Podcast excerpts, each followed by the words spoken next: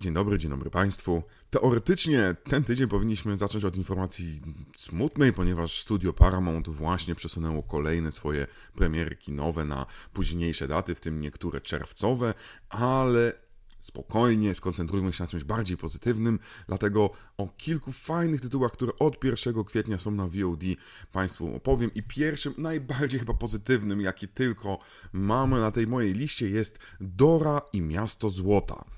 Brzmi to co najmniej absurdalnie, że polecam taki film. Jest to film na podstawie serialu animowanego dla dzieci, e, który był w pewnym sensie troszeczkę fenomenem na skalę światową. Troszeczkę mieliśmy sytuację podobną jak ze Świnką Pepą, a z tego wynika, że niedługo trzeba oczekiwać, że Świnka Pepa też doczeka się pełnometrażowego, aktorskiego filmu i Świnkę Pepę zagra Dwayne The Rock Johnson. Ale to nie jest wcale takie mało prawdopodobne, jakby się wydawało. Ale Dora i Miasto Złota projektem było dosyć trudnym, ponieważ jedną rzeczy, którą wszyscy pamiętają, że Dora zawsze pokazywała i była bardzo interaktywna. Ona uczyła widzów i mówiła na przykład, pokazując do ekranu, no czy umiesz wypowiedzieć takie słowa albo takie. Zatem było tutaj dosyć ciężko, żeby ten materiał przerobić na faktycznie fajny film przygodowy. I jakimś cudem autorzy zrozumieli to i dali radę. Ten film jest tak niezwykle niewinny, tak niezwykle naiwny, że łamie twoje cyniczne bariery jedna po drugiej.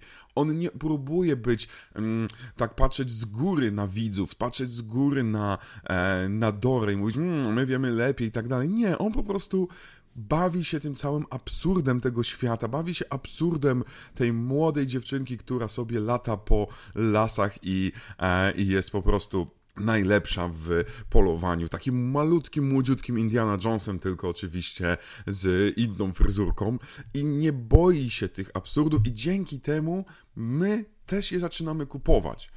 Zatem te piękne, niewinne żarciki, wcześniej czy później one nam wejdą w głowę. Choćbyśmy nie wiem jak walczyli, moment, w którym Dora zaczyna śpiewać piosenkę o kupie, no to to jest moment, w którym ja się poddałem i zacząłem ją śpiewać razem z nią. Ja wiem, brzmi to absurdalnie, ale uwierzcie mi, to będzie co najmniej zabawne, jeżeli nie będziecie pękać wtedy ze śmiechu, zatrzymywać na VOD, cofać i śpiewać sobie jeszcze raz tę piosenkę razem z Dorą. Skoro mówiliśmy o mieście złota, czyli o Amazonii, o dzikich zwierzętach, to może troszeczkę więcej krwi. Tym razem Pełzająca śmierć trafiła e, na HBO Go i jest to film, który ja niezwykle Państwu polecam, ponieważ uwielbiam, uwielbiam, uwielbiam ten tytuł. Mimo tego, że polskie tłumaczenie sprawiło, że chyba nikt do kina nie dotarł, ja nie pamiętam, chyba pięć osób wokół mnie siedziało w ogóle na seansie, a jest to film po angielsku, mamy tytuł Crawl i jest to sytuacja e, o mm, powodzi, czy też, czy też mm, huraganie, przez co krokodyle, właśnie aligatory trafiają na ulice i na wokół domów e, pewnego miasteczka e, w Stanach Zjednoczonych. No i oczywiście trzeba uciekać, trzeba się ratować i tak dalej. To, co wydawać by się mogło na pierwszy rzut oka, o Jezu, będzie to Sharknado, będzie to śmieszne, głupiutki i tak dalej. Wcale nie. Wbrew temu, co by się mogło wydawać, jest to film, który zrobiony jest znakomicie, jeżeli chodzi o utrzymanie napięcia, o budowanie suspensu, o to, że faktycznie boimy się tych stworów. One nie są robione super strasznym e, CG, nie są przebudowane, nie są jakieś mega wielkie, e, które będą nagle miały szczęki jak, jak jakieś tyranozaury. Nie, wszystko jest tutaj na pięknie na, na miejscu i aż człowiek zastanawia się, jakim cudem ten film nam uciekł. Jeżeli ktokolwiek lubi się trochę pobać, trochę, trochę pobać filmów, które są w stylu nawet parku rejskiego, ponieważ jeżeli chodzi o budowanie napięcia, a potem uderzenie, jest to naprawdę pierwsza klasa. Plus film jest tak samo świadomy tego, czym jest, że w dodatku nawet robi takie taką bardzo prostą sztuczkę, ale film dzieje się na trzech poziomach. Mamy piwnicę, parter i pierwsze piętro domu i każdy z tych poziomów jest także odpowiada za akt filmu. Pierwszy jest najniżej, potem wyżej i tak dalej, co jeszcze bardziej pokazuje, jak, jak reżyser wiedział, co robi i jak świetnie się bawił kręcąc ten film.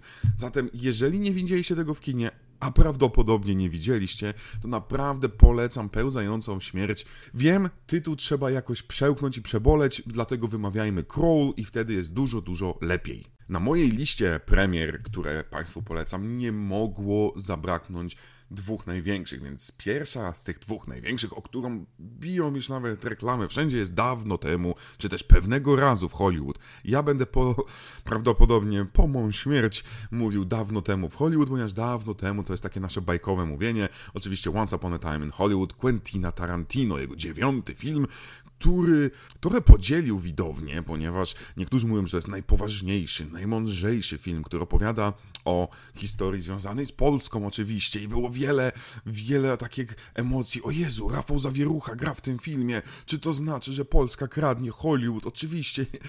Tego typu dyskusje. Zebrał swoje Oscary, e, mnóstwo Oscarów, także oczywiście Brad Pitt dostał Oscara i milion innych nagród za rolę męską. Jest tam naprawdę dużo mięcha, ale ja zastanawiam się, jak mógłbym Państwu polecić ten film, gdy chyba po pierwsze, nawet już może, nawet chyba na tej antenie tego radia o tym filmie mówiłem, to po pierwsze, a po drugie, chyba wszyscy wszystko o nim powiedzieli, więc ja chciałem się skoncentrować tylko na jednej rzeczy, która jest chyba przemilczana w większości recenzji. I jest to to, że jest to film z najlepszą rolą psią roku 2019. Aktorką jest Brandy, Brandy jest przecudownym Amstaffem, który, który ma rolę sporą, naprawdę. I ja uwielbiam, gdy psy potrafią zaczarować na ekranie i gdy mają grać ostro, czyli mają grać nienawiść, przemoc i tak dalej, to ją grają. Gdy mają grać smutek, to grają. Jako psiarz jestem na to bardzo wyczulony i że nie ma tam ani kropelki CG, nie ma tam ani kropelki udawania i ten pies to wcale nie jest tak, że on się cieszy i merda ogonem, a mamy podłożone na przykład dźwięki agresji, jak w niektórych filmach bardzo często się to zdarza. Zatem, jeżeli nie słyszałeś jeszcze o tym filmie, to naprawdę jestem zdziwiony, ale jeżeli szukałeś powodu, którego jeszcze ci nikt nie podał, no to tym powodem jest oglądać przecudowną, kochaną, piękną Brandy, która dostała nawet nagrodę na festiwalu, chyba w Cannes jest tak delikatnie zrobiony dla e, zwierzaczków, zatem jest to ewenement na skalę tego roku, najlepsza psia rola, która potrafi nawet, nawet, nawet, nawet przytłoczyć swoją prezencją na ekranie Brada Pitta, ponieważ najwięcej czasu spędzają razem, ale ten duet swoją drogą także zasłużył na specjalnego Oscara najlepszy duet na ekranie. Na Cinemanie debiutuje film Na noże Ryana Johnsona. To jest mój prawdopodobnie ulubiony film 2019 roku, zatem ciężko, żebym ja go Państwu nie polecał. Co prawda, nie jest to najlepszy film może dla mnie tamtego roku, ale tyle czystej rozrywki, czystej radości, ile ja miałem oglądając historię, w której dopytujemy się, kto zabił i próbujemy odgadnąć, a może jednak wiemy od samego początku, kto zabił i oglądamy dysfunkcyjną rodzinę, która coraz bardziej rzuca się sobie do gardła, albo oglądamy historię bardzo niekompetentnego detektywa, który może jednak jest kompetentny, albo oglądamy historię po prostu zbiór genialnych aktorów, którzy po prostu przebywają ze sobą, a my cieszymy się mogąc patrzeć na dziesiątkę czy dwunastkę znakomitych, naprawdę klasycznych aktorów od Jamie Lee Curtis, Daniela Craiga, Chrisa Evansa, Anne de Arnas, Dona Johnsona. Właściwie ja mógłbym tak wyliczać w nieskończoność. Dla mnie to jest przepiękny odbudowę tego, tego bardzo, bardzo zaniedbanego gatunku filmów, tak zwanego po angielsku się mówi whodunit, czyli kto zamordował.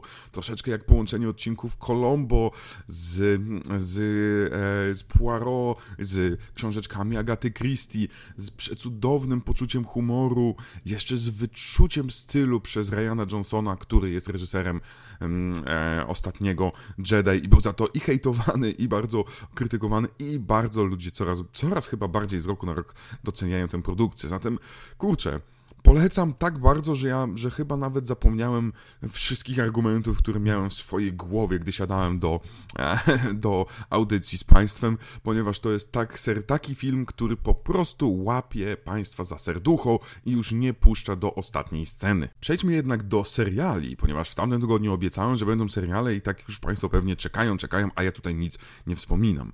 I mam dla Państwa jeden serial, który właśnie debiutuje na Netflixie, a którego nie widziałem żadnej reklamy ani żadnej żadnej recenzji na polskich stronach internetowych, więc możliwe, żeby go Państwo przegapili. tym tytułem jest projekt Niewinność, The Innocent Files po angielsku. E, jest to serial dokumentalny. Nagle przeskakujemy do dokumentów, który właściwie powstał trochę dzięki szumowi, który wywołał film mm, Tylko Sprawiedliwość, Just Mercy z tamtego roku z Jamie Lee, e, z Jamie Foxem, e, który grał tam główną rolę i który całkiem ładne recenzje zebrał, był nawet nominowany do nagród w kilku, na, na kilku festiwalach. Zresztą miał mieć premierę za tydzień w Polsce, ale niestety premiera oczywiście została odwołana na ten moment, ale film ten powstał na podstawie biografii młodego prawnika, który z, z północy wyruszył na południe Stanów Zjednoczonych, by zająć się jedną sprawą, przy okazji założyć mm, stowarzyszenie. Dostał grant na, e, na założenie takiego stowarzyszenia, działalności, która skoncentrowała się na obronie osób, które mm, wydawać by się mogło, że są niewinnie skazane albo były niedopatrzone pewne elementy przy, e, przy ich procesie i tak dalej, i tak dalej. I ten serial, Projekt Niewinność, i właśnie tak się swoją drogą nazywa, Innocent Project nazywa się w ten sposób jego organizacja, koncentruje się krok po kroku na kolejnych sprawach, na rozwoju, na tym, jak wiele niedopatrzeń potrafiło się znaleźć w sprawach dotyczących morderców, i to niestety najczęściej czarnoskórych morderców, którzy byli skazywani na karę śmierci, gdzie były niedopatrzone takie rzeczy jak chociażby brak dowodów, e, albo opierały się tylko i wyłącznie na zeznaniu jednej osoby, której strasznie zależało, żeby wyjść wcześniej z więzienia, zatem wychodziła tutaj na umowę z prokuratorą, by nagle przypomnieć sobie, że ona widziała mordercę, albo były to wymuszone, wymuszone e, zeznania. Jest to bardzo smutne spojrzenie na amerykański system sprawiedliwości i na naszą rzeczywistość, którą, którą często możemy sobie nie zdawać sprawy, jak bardzo, naprawdę, jak bardzo nieobiektywny jest system sprawiedliwości i jak wiele historii wciąż opiera się na rasizmie. Jak wiele osób zostało skazanych na śmierć, mimo tego, że wydawać by się mogło, że nie powinno być żadnych okoliczności i w żadnym wypadku nie zostaną skazani. Albo tym bardziej, gdy tylko ludzie z projektu Niewinność zajęliby się sprawą, to po prostu prokuratura by z miłą chęcią wypuściła tę osobę, ponieważ byłoby jej wstyd za starszych kolegów, którzy wtedy mm, kierowali się uprzedzeniami. A jednak tak nie jest. Zatem jest to.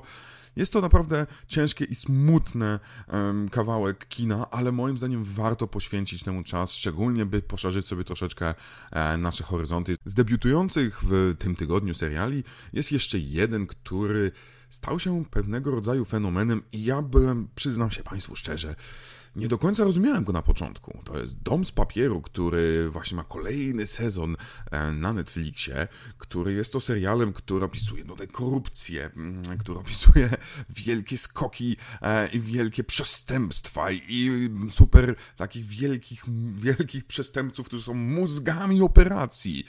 I ja nie, nie potrafiłem na początku zrozumieć, jakim cudem, co sprawiło, że ten serial w dodatku hiszpańskojęzyczny nagle przebił się i stał się nie tylko fenomenem na skalę hiszpańską, na hiszpańskojęzyczną, ale i w Stanach Zjednoczonych, i w Polsce stał się powolutku takim serialem kultowym. Czy to było, co, co takiego tutaj jest? I szczerze powiedziawszy, po dziś dzień szukam tego, szukam tej jednej rzeczy, bo bez dwóch zdań jest to serial zrobiony znakomicie, który trzyma w napięciu, który ma bardzo dużo niestandardowych rozwiązań. Ja tutaj nie chcę niczego Państwu zdradzać, bo im mniej Państwo wiedzą, tym lepsza potem zabawa oczywiście, ale, ale jest tutaj jakiś chyba urok, który, który potrafi człowieka złapać i go przytrzymać do końca i zmusić go, żeby czekał na kolejny i kolejny sezon. Ten dom z papieru i te relacje tej tej bandy, tej brygady, tego zespołu staje się dużo ważniejszy niż sam skok, niż same,